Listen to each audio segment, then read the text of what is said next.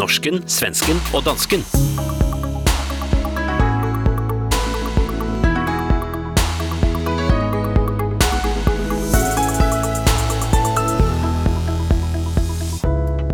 Norge åbner op, men forbyr dans.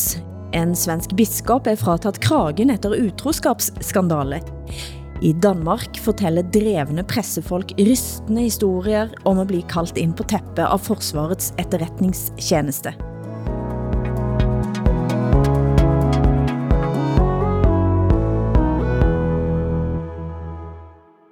Velkommen til Panskandinavisk familieterapi på sofaen svenske Åsa Linderborg, danske Hassan Preisler og med Hilde Sandvik, klare for at dykke ned i den nationale syken, og i dag stille med spørgsmålet, hvad skedde med friheten, og hvad er det vi er allermest redd for? Men først lidt fejring. Jeg eh, hørte TV4's reporter eh, Gustav Røriksson melde at det havde været en bløt, fugtig natt i den danske hovedstaden efter at restriktioner blev sluppet op natt til tirsdag. I de danska medierna ser man också idag hur det har varit en blöt natt på rätt många krogar och nattklubbar. Mm, det kanske är därför som det är sparsamt med folk bakom dig den här morgon. Har du været på byen, Hassan? Altså, det er jo ikke første gang, at, en, øh, at vi hører om en fuld svensker i København. Men jeg har, jeg har faktisk ikke været ude. Øh, og, og der er også noget andet, som er meget væsentligere for mig, at, øh, at vi får talt om. Altså, øh, Danmark har faktisk øh, vundet en medalje ved vinter-OL. Vi har vundet en medalje i curling, men, men meget vigtigere, så har Danmark faktisk slået Sverige ved VM i ishockey for et år siden. Og det, det vil jeg gerne have slået øh, fast med syvtommer søm. Är det nu jag ska börja berätta? Om... Dette var selvfølgelig et svar til forrige, forrige gang, fordi vi snakker om at danskene, som da har insistert på at være altså svenske under eh, vinter-OL. Åsa, hvad var det du ville sige? Nej, jag bara tänker jag ska vara finkänslig nog och inte berätta att det var Sverige som tog guld i handbolls-EM här alldeles nyss och Danmark fick en bronspeng. Men jag vill ändå veta, Hassan, har du varit ute och firat att ni har släppt restriktionerna i Danmark? Vi släpper dem alldeles strax här i Sverige också. Hur ska man fira det? Jamen, ja, jeg, jeg har ikke været ude og fejre det. Jeg, jeg, altså, jeg, det er jo også sådan lidt, lidt sær øh, øh, linje, vi ligesom markerer lige nu, fordi øh, i, øh, altså for tre dage siden, der måtte vi ikke gå ud og drikke, og dagen efter måtte vi gerne gå ud og drikke. Mm. Og det, det er jo bare, altså, jeg, for mig tager det lidt, altså, lidt længere tid at afklimatisere mig. Ja. Det är inte lätt att tillfälla, ja, tillfredsställa den danska statens alla nycker. Det är inte så himla lätt. Da, da kan jeg fortælle om den norske nykken, for vi har også sluppet løs og fri, men med danseforbud, som vi altså ikke har haft siden krigen. Får man inte dansa en... Alt er lov, bortsett fra danse. Är det sant? Ja. Får man vänslas och ha sex och sådär? Det får man göra. Får man kramas men inte dansa? Ja, man får ikke danse, og, og det er enkelte utesteder, som nå truer med, at de skal binde folk fast, hvis de begynder at bevæge sig. Men gud. Altså, det der med, Så det at, kan jo blive interessant det der med, at, at vi af og til siger, at, øh, at Norge er Skandinaviens Saudi-Arabien, det er jo ikke kun i forhold til olie, det er jo også i forhold til dans og alkohol. Men alltså jag är, ja verkligen. Men jag, jag håller helt med Hassan här. Men, men jag är ändå nyfiken på varför man inte får dansa, man får göra andra saker i grupp. Jeg vet ikke, det er sikkert et eller andet med at det blir eh, tæt og... Men det är det ju att gå på fotboll också. Alltså att, sitt, att gå på sportevenemang eller kulturevenemang, gå på bio. Gå in i en stor affär med massor med folk som... Alltså vad är... Jag, fatt, jag fattar inte logiken här. Men altså, Är det inte någon slags norsk moralkonservatism här som dyker upp? Att, men når vi snakker inom moral også, hvad er det vi læser om, at biskopen i Visby på Gotland har avkragats, altså mistet bispekragen på grund av utrohetsaffär? Hvad er dette? ja, det är skönt för er i Norge att kunna liksom blicka bort mot Sverige nu när ni har förbjudit dans. Jag förstår, förstår att ni vill prata om biskopen av Visby, som alltså inte är biskop längre. Nej, Men han anmälde sig själv. Eh, att han har haft en eh, längre otrohetsaffär eller en utomäktenskaplig förbindelse. Så anmälde han sig själv och ville få det här prövat. Han förstod väl tror jag själv att han kanske inte kunde ha kvar som biskop. Men, men straffet är alltså att han får aldrig mer ha en tjänst i, i Svenska kyrkan. Han får inte ens arbeta som diakon. Det är ett oerhört hårt straff. SVT hade et interessant interview med ærkebiskop Antje Jørgelen, som blev spurgt om det ikke fanns nåde og tilgivelse for også biskoper som tramper snett, tror fejl eller gør noget galt. Visst finns det det, såklart. Men ett tecken på nåden och förlåtelsen är ju också att du kliver fram och tar ditt ansvar för det du har gjort och försöker ställa till rätta. Så att förlåtelse är inte att eh, sopa under mattan om man nu säger det så, utan förlåtelse är ju också att bli bemyndigad att faktiskt ta ansvar som människa. Och som människor vi både felar, men det är också mänskligt att vilja ta ansvar och ställa till rätta. En blir jo nysgerrig på hvad biskopen har gjort. Ja, och framförallt för jag förstår jag förstår, man fick en lite inblick i hur det fungerar Svenska kyrkan. Tydligen så har beslut fattats i någon slags dom. Alltså någon, någon slags domstolsaktigt forum som vi inte har inblick i. Mm. Eh, det blir också svårt att kommentera det här. Men jag tycker att rent principiellt i en rättsstat så tycker jag att det är lite märkligt resonerat av ärkebiskopen. För att den här mannen har ju inte försökt sopa under mattan. Han har ju anmält sig själv. Mm. Eh, och tycker att det här måste utredas. Eh, men vad han får är alltså ett livstidsstraff skulle jag säga. Som, eh, eller livstid, yrkesförbud inom, inom sitt gebit för resten av sitt liv. Det är, en ganska, det är ganska hårt straff. Eh, tror jag nog att de flesta av oss tycker faktiskt. För att han har gjort något som, utan att jag vill försvara otrohet, så någonting som ändå är ganska mänskligt, som väldigt många faktiskt hamnar i och utsätts för.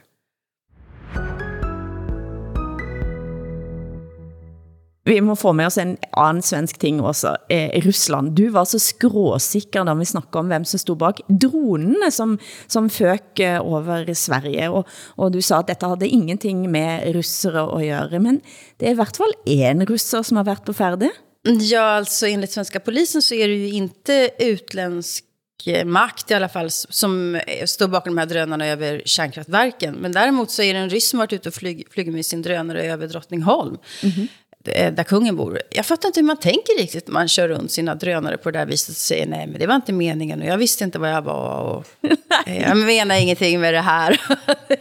Det høres ikke helt trovärdigt ut kan man säga. Jag tror inte han utsända Putin, men det låter ganska ryskt ändå på något sätt. Men eh, eh, og en liten registrering for Danmark. Eh, Hassan, vi snakkede jo om Mali i forrige uke. Mali som ville kaste ut danskene, og nå reiser danskene eh, trekker soldatene hjem. Altså til danske lyttere skal man bare lige forklare, at drønere, det er droner. Altså, droner? Hvad hedder det? ja, de her flyvende apparater. Drone. Og det er altså en russisk statsborger, som er blevet øh, grebet øh, efter at have fløjet en drone hen over kongeslottet i Stockholm. Mm, just det, just det. Men vi vet fortfarande inte vem som står bakom drönarna över kärnkraftverken. Nej, øhm, men øh, ja, du har ret, Helt Danmark øh, har nu trukket sig fra, øh, hvad hedder det, missionen i Mali, øh, og ønsker ikke længere at være en del af den. Det øh, giver jo meget god mening, når nu Mali heller ikke ønsker, at Danmark øh, øh, udgør en del af missionen.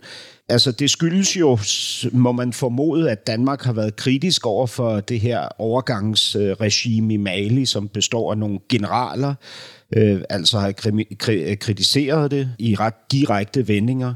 Og derfor trækker Danmark nu sine 100 soldater ud af koalitionen, som egentlig var til for at bekæmpe islamister, islamismen i, i Mali. Øh, I øvrigt så overvejer Danmark lige nu, om det også skal have konsekvenser for udviklingsbistanden, den bilaterale udviklingsbistand for Danmark til Mali. Øhm, Ja, så det er, der, der skete jo egentlig det, som vi alle ønskede i sidste uge skulle ske. Øh, Danmark har trukket sig mm. fra mm. den her operation. I denne podden så har vi også efterlyst større interesse fra norske og svenske medier i saken om fængslingen av den danske etterretningschefen for det man antar er landsforræderi efter at der har været lækker sensitiv information til danske medier.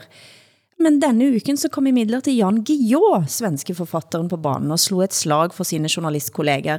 Han skriver, Danmarks kamp mot pressefriheten er ekstrem, skriver han i Aftonbladet.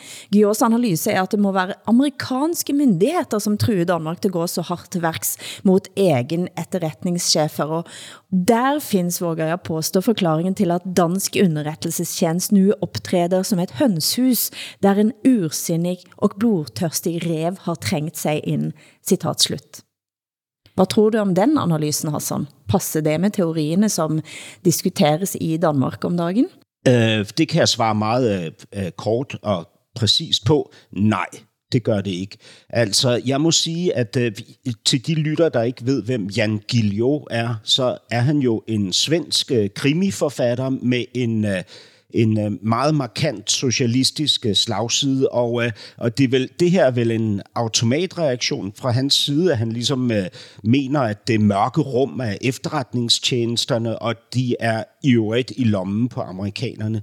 Fordi det er faktisk må man formode slet ikke det, der er foregået. Det, der nok er foregået, er ifølge flere forskere og adskillige øh, chefredaktører på, de, på, på forskellige danske medier, det, der nok er foregået, er, at regeringen med Mette Frederiksen i spidsen har været inde og diktere politiet, at de skulle gribe ind og arrestere øh, chefen for Forsvarets efterretningstjeneste for netop at have meddelt øh, pressen øh, forskellige ting, øh, altså øh, forelagt en form for ny åbenhed, kunne man også øh, sige, ikke? fra efterretningstjenestens side, hvor man deler øh, historier med pressen, som er af stor nødvendighed. Ikke?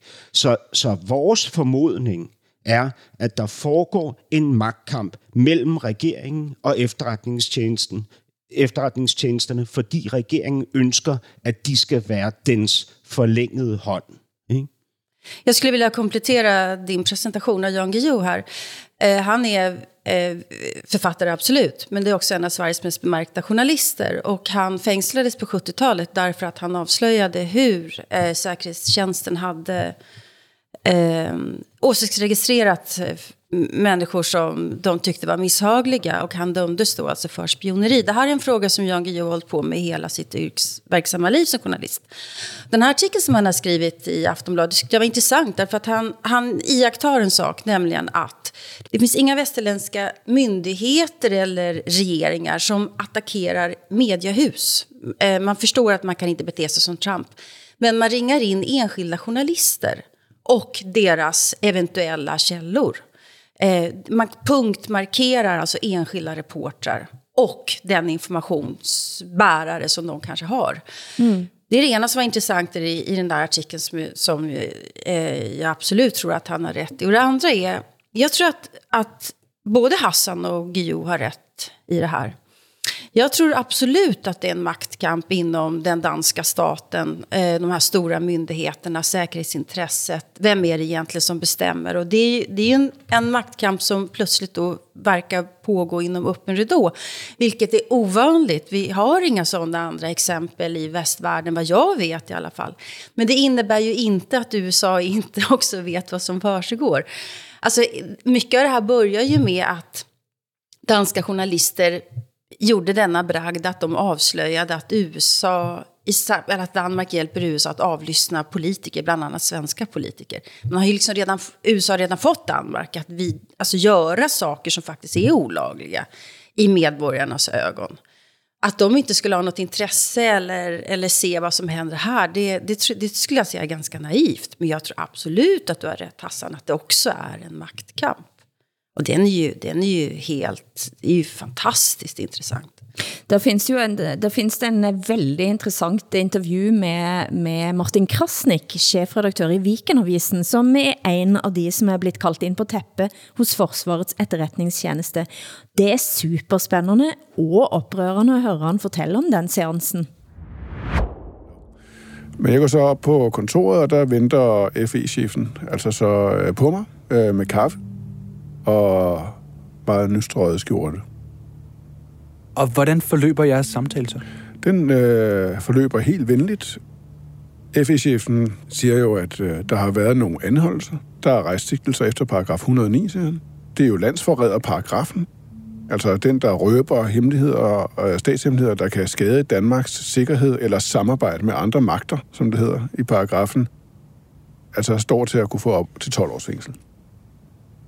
Og så vil han bare lige minde om, at den paragraf jo også gælder for dem, der viderebringer oplysningerne. Som en journalist, for eksempel. Som for eksempel en journalist og et medie. Og Martin, hvordan opfatter du den her venlige påmindelse fra FE-chefen, mens du står der på hans kontor? Altså, jeg opfatter det jo som relativt grænseoverskridende. Altså, alt den stund jeg aldrig opnået noget lignende selv. Jeg har heller aldrig hørt om noget lignende. Men er der en alvorlig stemning i lokalet? Er han intimiderende i sin nej. udstråling? Nej, nej, men det er jo FE-chefen, der sidder der. Altså, det giver jo sådan en vis stemning af alvor, må man sige, ikke? Eh, og det er jo et sånt, det er jo et, eh, et ekko fra eh, flere tiår tilbage, eh, der, der man vet at det pågik overvåking av og journalister må politisk aktive. Jamen, helt klart. Altså, øh, øh, jeg har også hørt den genstart. Men det interessante spørgsmål er jo, overvåget på vis foranledning. Altså, hvem har i gang sat, og hvem har interesse i den overvågning, ikke? hvis den foregår. Ikke? På samme måde må man jo spørge, hvem har interesse i, at øh, de her fem øh, chefer i Forsvarets efterretningstjeneste bliver afsat efter at have kommunikeret angiveligt med medierne om de her store sager. Ikke?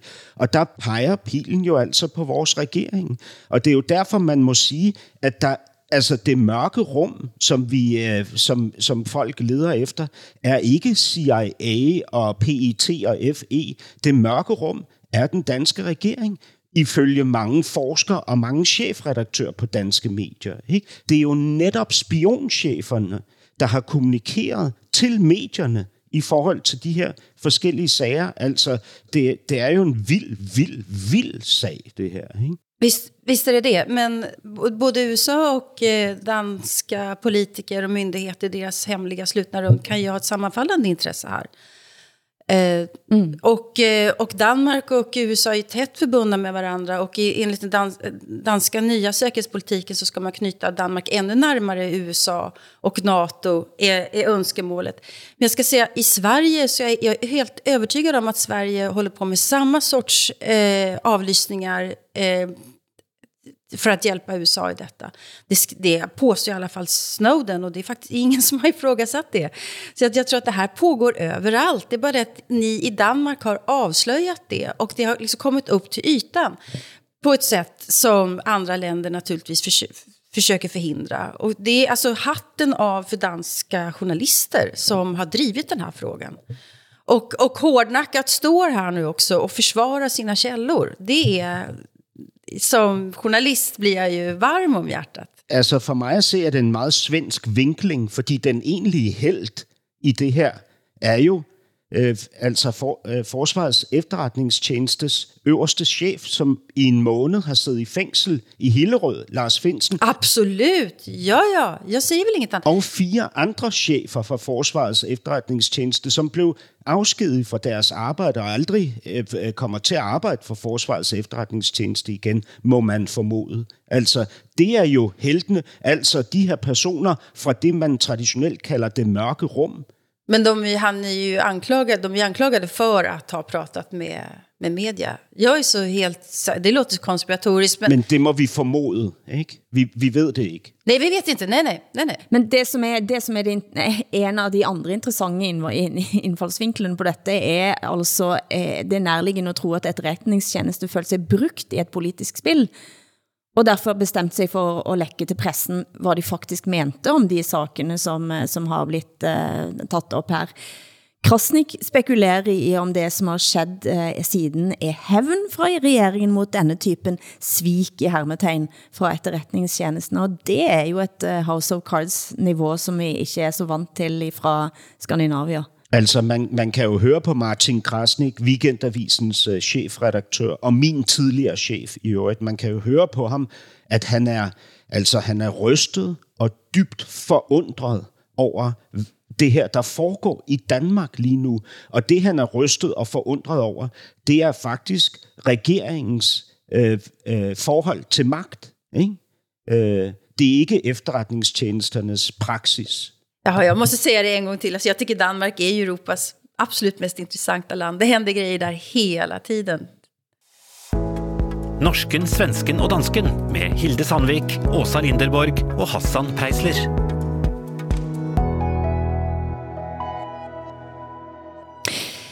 Til fagforeningsbyggermisten, som vi snakkede om forrige uke, Per Christensen, som, eh, som havde viste sig at have fire familier eh, og, fremdel, og, og, og sat som fagforeningsboss. Sofie Jama, eh, er ikke det forfatteren, som skrev bok, roman om den skandinaviske mannen, Hassan? Jo. Somalisk? Ja. Uh, hun uh, har nå kommet ut og sagt at retten til liv er også retten til dobbeltliv eller trippelliv samt vanvittig sære forskrudde liv og retten til at have hemmeligheder og privatliv, som ikke vedkommer andre end en selv. Eh, det skriver Sofie Jama i informationen. Eh, vi skal snakke om frihet senere i sendingen, men hvad tænker du om det, Hassan? Har Sofie Jama et poeng? Altså, det er jo, eh, hun er jo mega interessant i nogle af de her sager, øh, hvor, hvor vi ligesom kollektivt øh, øh, hengiver os til, til tidsånden. Ikke? Øh, altså først, så, som du nævnte, var hun ude og, og prøver at dissekere den skandinaviske mand, som hun jo, øh, efter hun kom til Danmark, har haft tæt inde på livet. Hun er jo gift med en skandinavisk mand, en dansk mand. Og nu kommenterer hun så på den her sag med fagforeningsbossen, der må gå af, fordi han har levet dobbeltliv. Og i relation til den svenske biskop, så er det her jo også hyperaktuelt, ikke? fordi hun fastslår og insisterer på, at vi som mennesker bliver nødt til at have ret til et privatliv. Ikke? Man kan så øh, selvfølgelig diskutere, hvornår det, der er et overlap. Ikke? Altså kan du for eksempel som fagforeningsboss bruge dine øh, forbindelser? Kan du øh, anvende en lejlighed, som fagforeningen har stillet til din rådighed, til at, øh, at begå den her utroskab, eller hvad man skal kalde det, leve det her dobbeltliv. Ikke? Det er selvfølgelig relevante spørgsmål. Men helt overordnet, så er det jo øh, centralt, at vi bliver nødt til at udfordre os selv på det her. Hvor, hvor går, altså, har man retten til et privatliv, og hvor går grænsen mellem privat og, og, og professionelt? Vi snakker for cirka et år siden, kanskje længere, om eh, mere, mer, mer end et år siden, om Bjørn Dærlig, eh, som er altså denne norske skiløperen, som irriterede på sig svensker på, på 90-tallet. Världens sämsta, för, världens sämsta vinnare måste du säga att han är. Ja, gick baklängs i mål og sånt. Um, världens sämsta vinnare var Altså, Åsa siger om Bjørn Daly, den svenske... Den norske. Ja, det var sådan noget langrens norske, at han var verdens, verdens værste vinder. Eh, og akkurat nu også, så skal jeg heller ikke snakke imod dig, for det at eh, jeg, kender, jeg kender på den der indre Bjørn Dærlig, eh, jeg vet ikke hvad jeg skal sige. Eh, Släpp ut det, Hilde. Säg vad du känner. Mot, mot, motstand. Du forarvet, Hilde. Men i alle fall, vi snakker om på et tidspunkt om at Bjørn Dærlig, som da har slået sig op på at sælge ski, uh, skijakker og, og sådan ting, men som også er blitt uh, stor på aktier. Uh, eh, han flytter altså sin formue til Bø i Vesterålen for at slippe under skatt, for det at Bø i Vesterålen, som er en liten kommune i Nord-Norge, uh, sænker formueskatten, altså blev et slags norsk skatteparadis, og Bjørn Dærlig tog med sig sine 400 millioner, eller hvad det er, op til Bø. Men nå... Prøv lige at høre, Hilde. Ja, men dette har vi snakket om før. Hilde, Hilde, I har simpelthen et, et lille skattely i Norge, som hedder som hedder Bø. ja, det går så, jeg sitter også og tænker. Nej, vi har... Vi... Hvorfor har I ikke valgt et uh, skattely, der hedder noget ligesom Monaco, eller Liechtenstein, eller, eller Guernsey? Hvorfor skal det hedde Bø?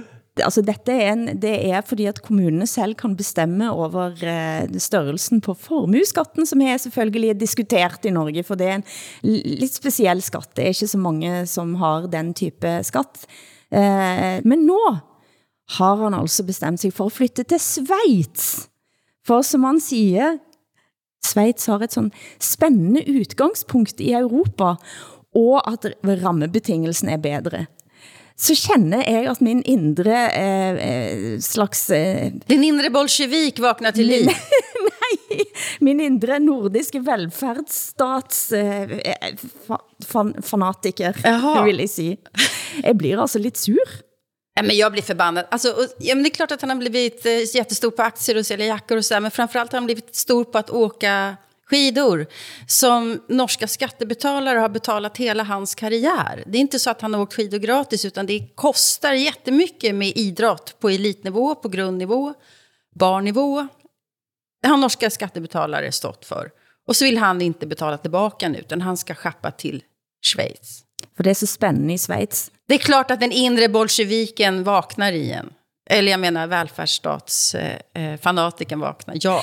Det, eh, Eh, det som jeg har tænkt på faktisk, er sådan grund, hvor, hvorfor blir jeg så sur av dette? Det ene er jo det at det er noget ligesom barnslig over folk, som nægter at betale skatt. Men det minder mig om de barna, som ikke vil dele lekene sine med sig. Ja, men exakt, det är barnsligt och det är när man ser gamla så här, folkhjältar som väl ändå Björn Dahlia har varit visa upp att de är så giriga och att de inte vill betala tillbaka till, eh, till medborgarna.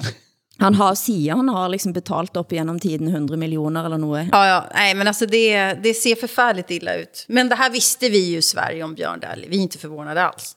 Jamen altså, jeg, jeg, jeg, Det er jo... det, det er meget svært for mig som dansk at dele jeres forarvelse. Altså, vi har jo, vi har jo masser af danskere, der lever i Schweiz. Øh, altså rige, kendte danskere, som, øh, som har flyttet formuen derned. Nej, men det har vi svenskar som gör också, men vi älskar väl inte dem för det. Alltså, det här handlar väl om vilken respekt man vill åtnytta.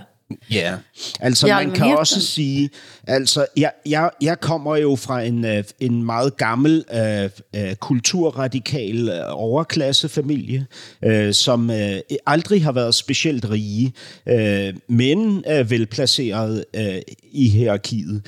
Og øh, min, i min familie har vi lært at, øh, at hade de nyrige. Ikke? Så på en måde synes jeg jo, at det er vidunderligt, at de flytter til Schweiz, eller Bø, for den sags skyld. For, bø. Fordi så, øh, så skal vi ikke møde dem på restauranterne og natklubberne her i København. Det, det, er- det er jeg øh, svært tilfreds med. jag, jag struntar i om man är nyrik eller inte, eller om man är self-made eller vad som helst, eh, eller ärvt pengarna. Utan om man inte vill betala skatt, om man inte vill bidra, om man försöker smita undan det ansvaret, då vänder jag dem ryggen i alla fall. Jamen har han ikke betalt masser af skat? Altså, da han flytter til Bø, Ja, men han flyttar ju för att han vill inte betala mer skatt. jo jo, men da han Det är ju det det här handlar om. Det är inte för att han tycker att Schweiz har en bra utgångspunkt i Europa, utan det, det är av skattetekniska skäl. men altså, det handler jo på en måte om et syn på fællesskapet, tænker jeg. Altså, det er liksom, hvor, hvor stiller man sig? Eh, og stiller man sig der, at man tænker at, det, at velfærdsstaten er et gode, eller, eller er man ikke så optaget av det? Sveriges mest formøgne, læste jeg nylig nu, altså de mest formuende i Sverige, de har blitt 371 milliarder kroner rikere under pandemien. Og på den listen så fandt både gammel og ny rikdom, kan man sige. Det är, pandemin har gjort en jätterika och det är bland annat statliga stödpaket då, som, eh, som de har tillgodogjort sig. Det här sticker ju naturligtvis i ögonen på folk, precis som med Björn Dählie då. Alltså, det är rikingar som inte, som försöker undkomma skatt eller som aldrig liksom försvarar statens ansvar för medborgarnas välfärd och så vidare. Och som, som hela tiden tycker att, man, att det är för höga skattesatser i Sverige. Man tjatar på det där i hundra år. Men sen så fort det blir kris så då vill de ha statens pengar. Och ja, det är ingen som är förvånad, men det är så här det funkar helt enkelt. der, hvor jeg bliver forarvet, det er der, hvor, hvor, øh, hvor man skjuler formuer i skattely i udlandet. Ikke? Og der var jo øh, sidste år kom der jo en kæmpe sag frem ikke? med øh, hvor- der blev øh, øh, lækket de her millioner af filer og dokumenter, hvor det kom frem, at, øh, at blandt andre Tjekkiets premierminister skjulte øh, sin formue i skuffeselskaber i skattely. Ikke? Øh, det er sådan noget, der forarver mig, fordi det, det synes jeg er forkert, at det, at det går under radaren. Altså Bjørn Deli har jo markeret klart og tydeligt, hvad han agter at gøre. Det synes jeg sådan set er reelt. Altså i den der skuffeselskabs sag, der kom det frem, at, at blandt andre det svenske band Swedish House Mafia, øh, som, som nu her i øh, skal på turné, øh, en Paradise Again European Tour 2022. De skal altså på turné nu her om lidt, ikke? At de også er, har deres øh, formue i et skuffeselskab i skattely. Altså sådan noget, synes jeg er meget mere øh, interessant og forarveligt, ikke? Varför, varför, varför det är mer förargligt att Swedish House Mafia har det än att Björn Dählie gör något liknande? For, fordi det foregår i det skjulte. Jaha, ja, ja, du menar att Björn Dählie ändå är ärlig nog? Jo, det är riktigt. Det är sant, det kan jeg holde med.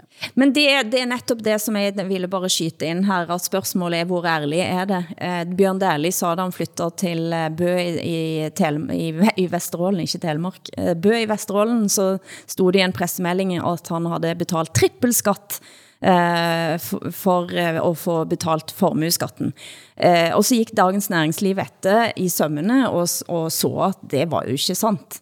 Og det, det er sånne ting også, at man bruger påskud, altså hvad som skjules og ikke skjules. Poenget er, at man gør hvad som helst for at slippe at bidra. Det minder mig om, da, min, jeg, da jeg samler frimærker i min barndom, og så var det en mand, som sa, at jeg kunne få hele hans samling.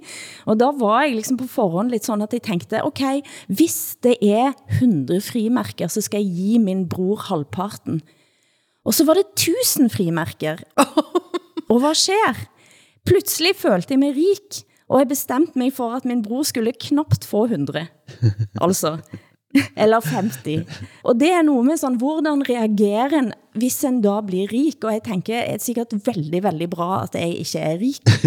Ja, men det är jättekul, Hilde. Alltså, det är, det är så, alltså, rika människor blir ju snåla. De blir ju som Joakim von Anka. De vill inte ge från sig en enda spänn. Ja, men måske er det, måske er det ikke rige mennesker, der, der er, så bliver som Joachim von And. Måske er det alle mennesker, som bliver rige, der bliver ligesom Joachim von And. Ikke? Altså in, inklusive Åsa, Hilde og Hassan. Ja, gud ja. Men heter Joakim von Anka Joakim von Anka på norska och danska också? Han hedder Joachim von And. Joakim von And. Och på norsk då? På, på, norsk hedder, på norsk hedder en rig mand på et pengebjerg, hedder han. Du hører norsken, svensken og dansken i SR, DR og NRK.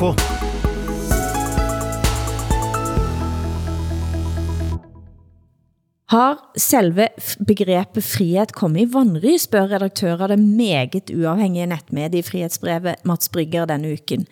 Han skriver, hvis det er noget, som er blitt satt på spidsen av pandemien, så er det begrebet frihet. Og så ramser han op bevægelsesfrihet, ytringsfrihet, forskningsfrihet, pressefrihet, forsamlingsfrihet osv. Siger man pressefrihet, tænker man nå på landsforræderi. Siger man forsamlingsfrihet, tænker mange på Men in Black. Mm. Og brokker man sig det mindste over, hvordan krav på coronapass lægger bånd på ens bevægelsesfrihed, så kommer det sporenstreks en hattemaker forbi og tager mål til den fine nye sølvpapirshatt. Mm. Er det, stemmer det? Absolut. Alltså, I Sverige så är det ju tydligt att eh, det är högerpopulisterna som har tagit över begreppet frihet. De har tagit det från liberalerna och vänstern. Det är fri, friheten att eh, säga vad man vill som jag tycker är en grundläggande demokratisk rättighet. Den har de tagit sin och eh, då, då blir folk misstänksamma. Eller kommentariatet blir misstänksamt mot yttrandefriheten till exempel. Mm. För att den, man säger att den missbrukas och så vidare. Men frihet är ju ett väldigt svårt ord överhuvudtaget. Det är ju ganska komplicerat faktiskt. Ja, ja, helt klart. Øh, og og han, han nævner jo ligesom øh, to niveauer i det, der indskrænker friheden. Det ene niveau er jo det, hvad kan man sige, lovmæssige, eller det, det, det, det niveau, der knytter sig til magten, altså det, det formelle niveau, ikke? Og så er der jo også det uformelle niveau, som handler om udskamning, altså og tidsånd, ikke? Og der nævner mm. Mads Brygger, at der i Danmark er 60.000, altså 60.000 indberetninger af bivirkninger efter andet stik med, øh, med vaccinen, som medierne overhovedet ikke kommenterer på eller undersøger. Øh, mm. Det er, er jeg fuldstændig enig i, er ekstremt bemærkelsesværdigt. og, og som Mads Brygger indikerer, så tror jeg også, at det handler om, at journalister og redaktører simpelthen er bange for at gå ind i den sag, fordi det vil få dem til at ligne konspirationsteoretikere, hvis de gør det. Mm. Ja, og det er jo, hvis du roper op om frihed om dagen, så bliver du fortsat i bås i Norge med Chartersvein, som var en, eh, en reality-kendis, som pludselig blev corona-demonstrant. Eh, eller eh, Men in Black i Danmark, og nordiska modstandsrørelsen i Sverige. Uh, og, og forsamlingsfriheten, det er vel kanskje ingenting som var så vigtig for uh, at bringe frem uh, den nordiske modellen. Visst. Demokrati. Ja, og demokratiet. Men, men op, Jeg mener- altså, ja, undskyld, Åsa. Hey, kør, fortsæt. Ja, altså i Danmark, der, på- på, det forvel, for, på det formelle niveau, så, så er det jo også, ja, hvad fanden skal jeg sige andet end skandaløs, den måde, vores regering lige nu forholder sig til magt og kontrol på. Altså denne her regering, kan man jo, bliver man jo nødt til at sige om, godt kan lide magt og kontrol. Ikke? Altså vi har en justitsminister lige nu, som øh, med, med et nyt lovforslag øh, øh, kunne rette op på 15 års ulovligheder, hvor man har øh, lokket danskernes øh, digitale færden ikke? i 15 år i strid med menneskerettighederne og i strid med EU-lovgivningen. Ikke? Øh, det, det vælger øh, vores justitsminister ikke at gøre, øh, på trods af, at der faktisk er en stor parlamentarisk øh, modstand. Øhm, øh, han, han vil gerne øh, fortsætte med med åbne øjne at medvirke til, at den her kæmpemæssige skandale fortsætter. Ministeren afviser selvfølgelig kritik. Alt kritik på det her område. Ikke? Men hvad er det som i så fall gør, at frihets, frihed og frihetsbegrebet er specielt truet nu? Og da må vi kanskje snakke om frygt. Den nævnte Mats Brygger citerer også Orwell om frygt. Han siger så snart, at frygt, hat, jalousi og tilbedelsen av magt blir involveret, avhængsles følelsen av virkelighed. Eh, og at man kommer ind i lidt sådan uvirkelighed eh, på mange vis. Altså danseforbud i Norge er jo på et vis bare et bit liten, en liten sak, som ikke har så veldig mye at sige. Men det viser sig, at man har altså, når vi blir trua, og hvis vi blir bedt om at være redde, eh, så eh, vi fra oss friheten ganske raskt. Det visar ju hela pandemin. Alltså jag, är, jag är alldeles chockad över att världens regeringar kan, kan eh, få människor att bete sig på det sättet som vi har betett oss. Eh, stanna inne, isolera oss, eh, inte demonstrera. Massa, massa friheter som vi har blivit av med. Därför att eh, vi har bara blivit beordrade till det. Och eh, det har knappt skett eh, med några protester överhuvudtaget. Och de som protesterar eh, får en foliehatt på huvudet. Och man kan ju demonstrera mot det här av olika skäl. Kanske för att man är är antivaxare. Det behöver, man kan ju skratta åt det också. Men man kan ju också göra det av rent demokratiska skäl helt enkelt. För att man tycker att det här måste diskuteras. Jag funderar väldigt mycket på det som har hänt med Spotify den här veckan. Apropå frihet och eh, fruktan. Och som har just att göra med pandemin. Att tappar jag bort namnet. Vad heter den här jättestora poddsnubben? Eh, Joe Rogan. Just det. Eh, han kör ju sin antivax-kampanj och, eh, och då är det jättestora artister eh, som säger då att eh, vi vill inte vara kvar på Spotify om det här ska hända, eh, om han ska vara där. Ni får välja mellan honom och oss. Det, de har en enorm makt skulle jag säga att bestämma vad som ska sägas. Eh, å, å ena sidan. Eh, å andra sidan, det är klart att eh, Spotify ska ju fundera över vad de publicerar också. Det är klart att de har ett ansvar för det som sägs. Men Spotify kan ju, det kan ju liksom liknas med ett jättestort bibliotek egentligen. Som att bojkotta ett bibliotek för att de har Mein Kampf i, i, i bokhyllan. Det är, det är jätteknepigt där tycker jag. Och, och det är helt okej när Neil Young eh, säger, kan, kan jag ju tycka då, eh, eh, sätter kraft bakom sina ord, han vill någonting. Kanske, wow, jag gillar när folk är aktivister. Men det är ju för att jag kan tycka att han har rätt i den här frågan. Vad händer den dag när stora, stora artister ja, börjar agera i frågor som jag tycker är helt åt helvete? Man accepterar ju inskränkningarna av friheten när den går ens egen väg. Det är det som är min poäng här. Så det gäller ju att ha principerna klara för sig helt enkelt. Og det er jo netop det som er, altså eh, det er jo der, der sammenhængen mellem eh, den type frygt, som vi snakker om nu, nå, og Spotify-saken blir interessant. Um, en, en professor i fysiologi ved Universitetet i Oslo, Christian Gundersen, han skrev, at pandemien har afsløret et, et sikkerhedshysteri i det moderne samfund, og afdækker, at sikkerhedstænkning trumfer alt andet drevet frem av en ideologi om at vi må ta hensyn til de reddeste blandt oss, og til umettelig behov for hos moderne ledere for at have ryggen fri. Mm-hmm. Hassan? Ja, altså vi, vi, vi taler om mange ting oven i hinanden lige nu, ikke? og det, det gør det jo øh, lidt, lidt svært, synes jeg, at være præcis omkring øh, sine holdninger. Altså jeg, jeg, jeg synes jo, som I ved, så, så er der for mig noget i det uformelle, altså i tidsånden, som er langt farligere og mere truende, end nogen regering ville kunne være. Altså øh, i hvert fald de, den her type regering, vi, regeringer, som vi lever med. Ikke?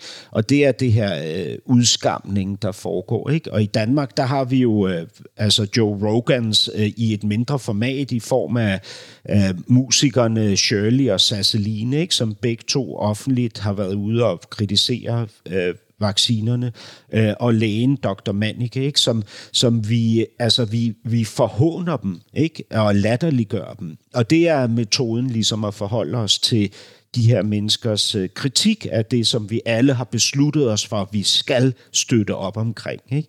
Og det er, det er for mig nogle af de voldsomste kræfter i vores nationer, fordi vi ikke har øh, øh, øh regimer, som ligesom sætter os i fængsel for at sige, det forkerte. Øh, ja, troede vi. Nu viser det sig måske, at vi reelt har regimer, som sætter os i fængsel for at sige det forkerte. Men altså, ja. vi har ju det. Men eh, framförallt så, så mm, tänker jag att det är som att vi tror att vi inte kommer att få veta mer om pandemin eller vaccin. Eller, så att det vi vet nu, det är vad vi vet. Och eh, den här kunskapen kommer aldrig kunna omvärderas överhuvudtaget. Mm. Och det är en ganska farlig inställning till, till kunskap. Eh, och eh, framtida forskning. Jo. Så skratta bäst som skrattar sist kanske. Men det er jo netop der jeg tænker, at frygt uh, eh, i stedet for frihet har blitt en drivende kraft. Da. Uh, Vikenavisen havde en uh, større artikel her om dagen, som begynder med et citat fra M, chefen for Storbritanniens gamle oversjøsk etterretningstjenesten MI6, som overrumples av virkeligheden i den seneste James Bond-film No Time to Die. Eh, og han siger der, før i tiden kunne vi møtes med fienden ansigt til ansigt, nå om dagen er fienden som et spøkelse. Vi vet ikke, hvad han er ute efter. Eh, og, og den følelsen kender jo jeg som en sådan, altså det, er jo, det ligger jo en katastrofetanke over hele tiden, eh, som vi lever i. Det handler jo også om en sådan slags inbo, iboende frygt, da. Ja, men det är också så paradoxalt att vi är så, och jag är ju det, eh, rädd för döden, för sjukdomar. Och hela pandemin, alltså vi skulle inte få folk att bete sig på det här viset ifall vi inte alla var rädda för döden och rädda att bli sjuka. Eh, men den, den fruktan sätter man inte i samband med, alltså hur kan vi ta hand om sjuka människor? I Sverige så kom det en siffra den här veckan som säger att en av fyra vårdplatser försvann eller har försvunnit innan pandemin började. Så Sverige har ju liksom ingen, vi har en dålig beredskap att ta hand om människor som faktiskt drabbas av det som de är allra mest rädda för, nämligen sjukdom. Så det är, liksom, det, det är en sak vad som pågår i våra huvuden och sen någonting annat vad som pågår i hur vi organiserar samhället sen när det gäller, när det verkligen gäller. Det är också en paradox som gör att jag tror att folk tappar tilltron till staten till slut och sådana saker som är... Ja, ja og så, så er det jo, øh, det er jo komplekse forhold nu, ikke? Altså, da jeg var barn, der frygtede vi russerne, altså Sovjetunionen og atomkrigen, som det eneste, ikke? Nu er det jo både cyberkriminalitet, øh, det er terrorbevægelserne, det er en forsyningskrise, flygtningestrømme, øh, klimakrise, Kina, Rusland, ikke? Og så øh, øh, øh, hvad hedder det, pandemier også, ikke? Og, og, og de her hybridkrige, som, som blander alle de her forskellige former for krigsførelse, og ikke kræver egentlige erklæringer af krig fra en nation til en anden. Ikke? Det er jo, øh, altså, der, der er jo virkelig lagt i støbeskeen til en ordentlig omgang frygt og paranoia. Mm. Ikke? Og, og jeg synes ikke, den alvorligste konsekvens af frygt er underdanighed. Jeg synes, den alvorligste konsekvens af frygt är brutalitet. Ikke? Men ja, jo, men eh, det finns ju en annan sorts fruktan som är som en ångest som går över alla kontinenter. Och det, det är ju medelklassens rädsla att inte kunna betala av sina bostadslån till exempel. Mm. Att, man, att man är utbytbar på arbetsmarknaden. Eh, och, och eh, Eh, hela förslumningen av hela arbetsmarknaden eh, som påverkar alla som har kroppsarbete. Det är väldigt få som har fasta arbeten och så vidare runt om i världen. Det här skapar en ångest som är helt grotesk. Och att man vet att den, den barngeneration som finns nu statistiskt sett inte kommer få det bättre än sin föräldrageneration, vilket är ett Paradigmskifte i, i världsutvecklingen de senaste hundra åren. Så den fruktan också, eh, lägg på den på allt det här andra. Så det är inte konstigt om folk beter sig som, som de gör kanske. Blir inneslutna, knepiga, får massa idéer och så vidare. Flyttar till Schweiz, nej då. Flyttar till Schweiz. Just det. Den nye norske tv-serien Ida tar ansvar, som blev sluppet på Viaplay nylig, træffer veldig godt på denne tidsånden. Det handler om en person, som sliter med katastrofetanker, og som er redd for alt. Tænk om vi havde haft masse skytevåpen i Norge, som i USA. Da kunne hvem som helst gjort som om på den koncerten i Las Vegas.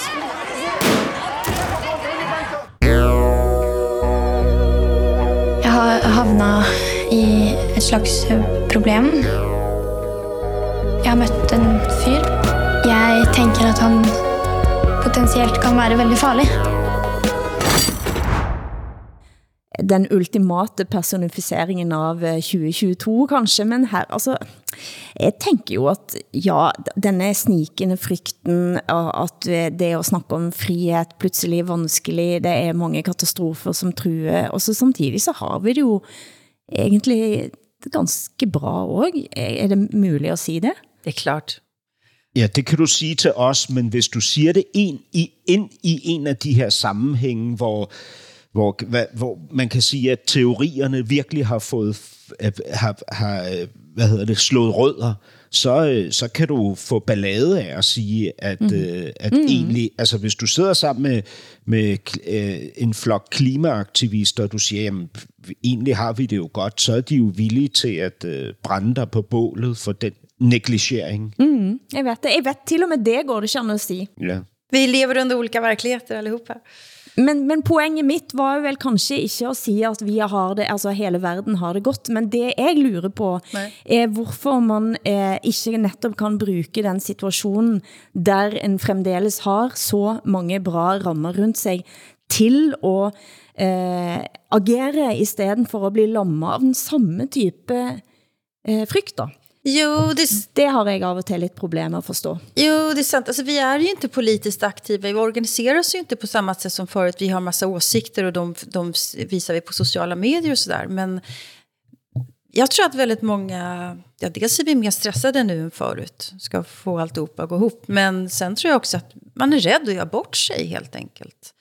Man tar hela den här aktivismen på 60- och 70-talet. Det var ju många som gjorde otroligt bra saker, men många gjorde också pinsamma saker, fatta fel beslut, stred för fel saker. Och de har blivit så utskällda och utskämda i generationer efter det. Och det, man vill inte försätta sig i samma situation, att trampa snett, tror jag.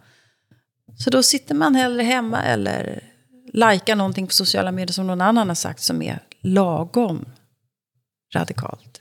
Altså, det kan jo også være, at alarmismen simpelthen bare er en indlejret ting i et hvert individ og et hvert kollektiv, og det er hvad kan man sige, en biologisk betingelse for menneskets øh, udvikling og overlevelse, at vi, øh, at vi øh, skal rammes af, af frygt og angst, ikke? både individuelt og kollektivt.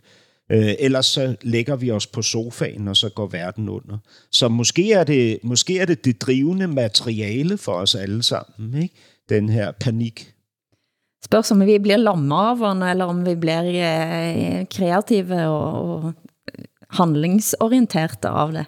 I hvert fald i relation til, hvad hedder det, øh, Netflix, som du talte om for et øjeblik siden, så vil jeg gerne gøre noget så sjældent som, øh, som at rose den danske regering, fordi vores nye kulturminister, Ane Halsbo, Øh, Jørgensen har været ude og sige, at, øh, at nu vil Danmark og den danske regering afkræve Netflix 5% ekstra afgift eller skat, et kulturbidrag, som skal bruges mm. til at producere nyt materiale, altså nye øh, øh, film og serier i Danmark. Wow! Øh, så bravo til, øh, til den danske regering. Ja, ja. bravo. Mm, bravo. Men kan, bravo. kan jeg hælde lidt sådan salt i, i det? Eh, for det gør også Danmark, fordi der har kommet et EU-pålæg, eh, som eh, presser i den retningen. Jo, men... Og det er Frankrike, va, som har, som har startet det her, men ändå. Ja, men... Men, helt det, men det er fint for det. Jamen, nu, nu, nu gav jeg min, øh, hvad hedder det, min indre... Bolshevik. Positivist en chance, og så kommer du og ødelægger.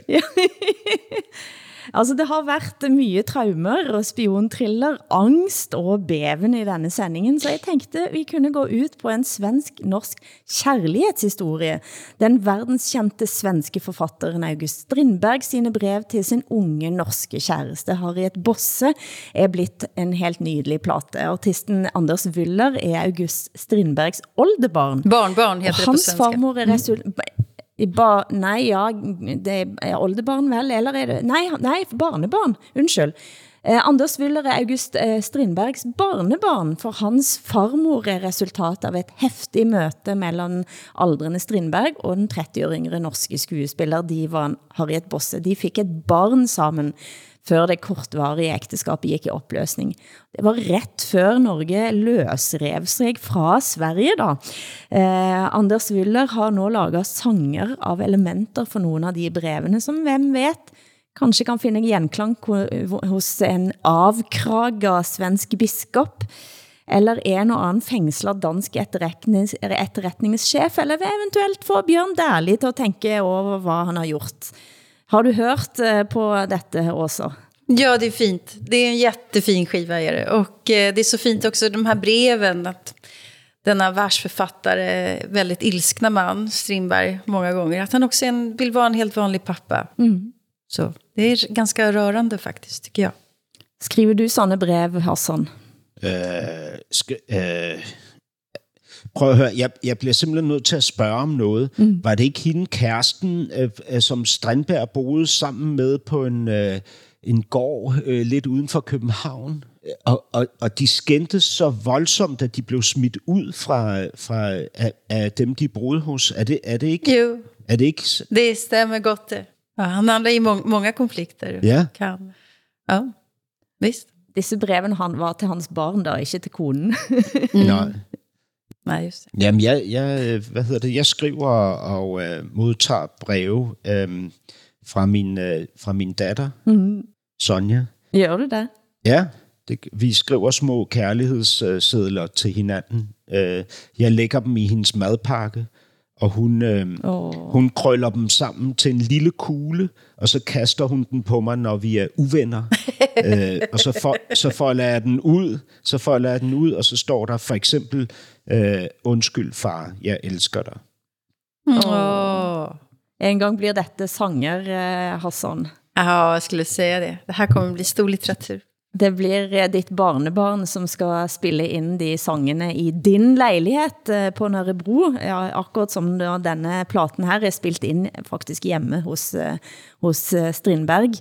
Eh, og tænker at den historien som kommer i det brevet som vi skal høre lidt ifra, handler om altså da denne faren som skriver til sin datter at hvis du får en søndagspenge, så bare bruk den til noget fint. Mm. Køb fyrværkeri, eller gør noget gøy dette er våre hilsen ind i, ind i en frygtløs helg. Og det blir sidste ord fra oss i ukens Norsken, Svensken og Dansken. Producent har været Henrik Hylland Ulving. Tak til som Preisler i København, Åsa Linderborg i Stockholm. Jeg heter Hilde Sandvik. Jeg er fremdeles i Europa, og programmet er produceret af Broen XYZ for NRK SR og DR, der redaktør for programmet er Ole Jan Larsen. Vi høres igen om en uke. Kära barn, här är söndagspengen. Låt Alfen köpa fyrverkeri. Ja, som är billigt och det är roligt. Om du önskar något så skriv. Lev väl och minns. Klä dig i lever Lev och minns. Om du önskar något så skriv.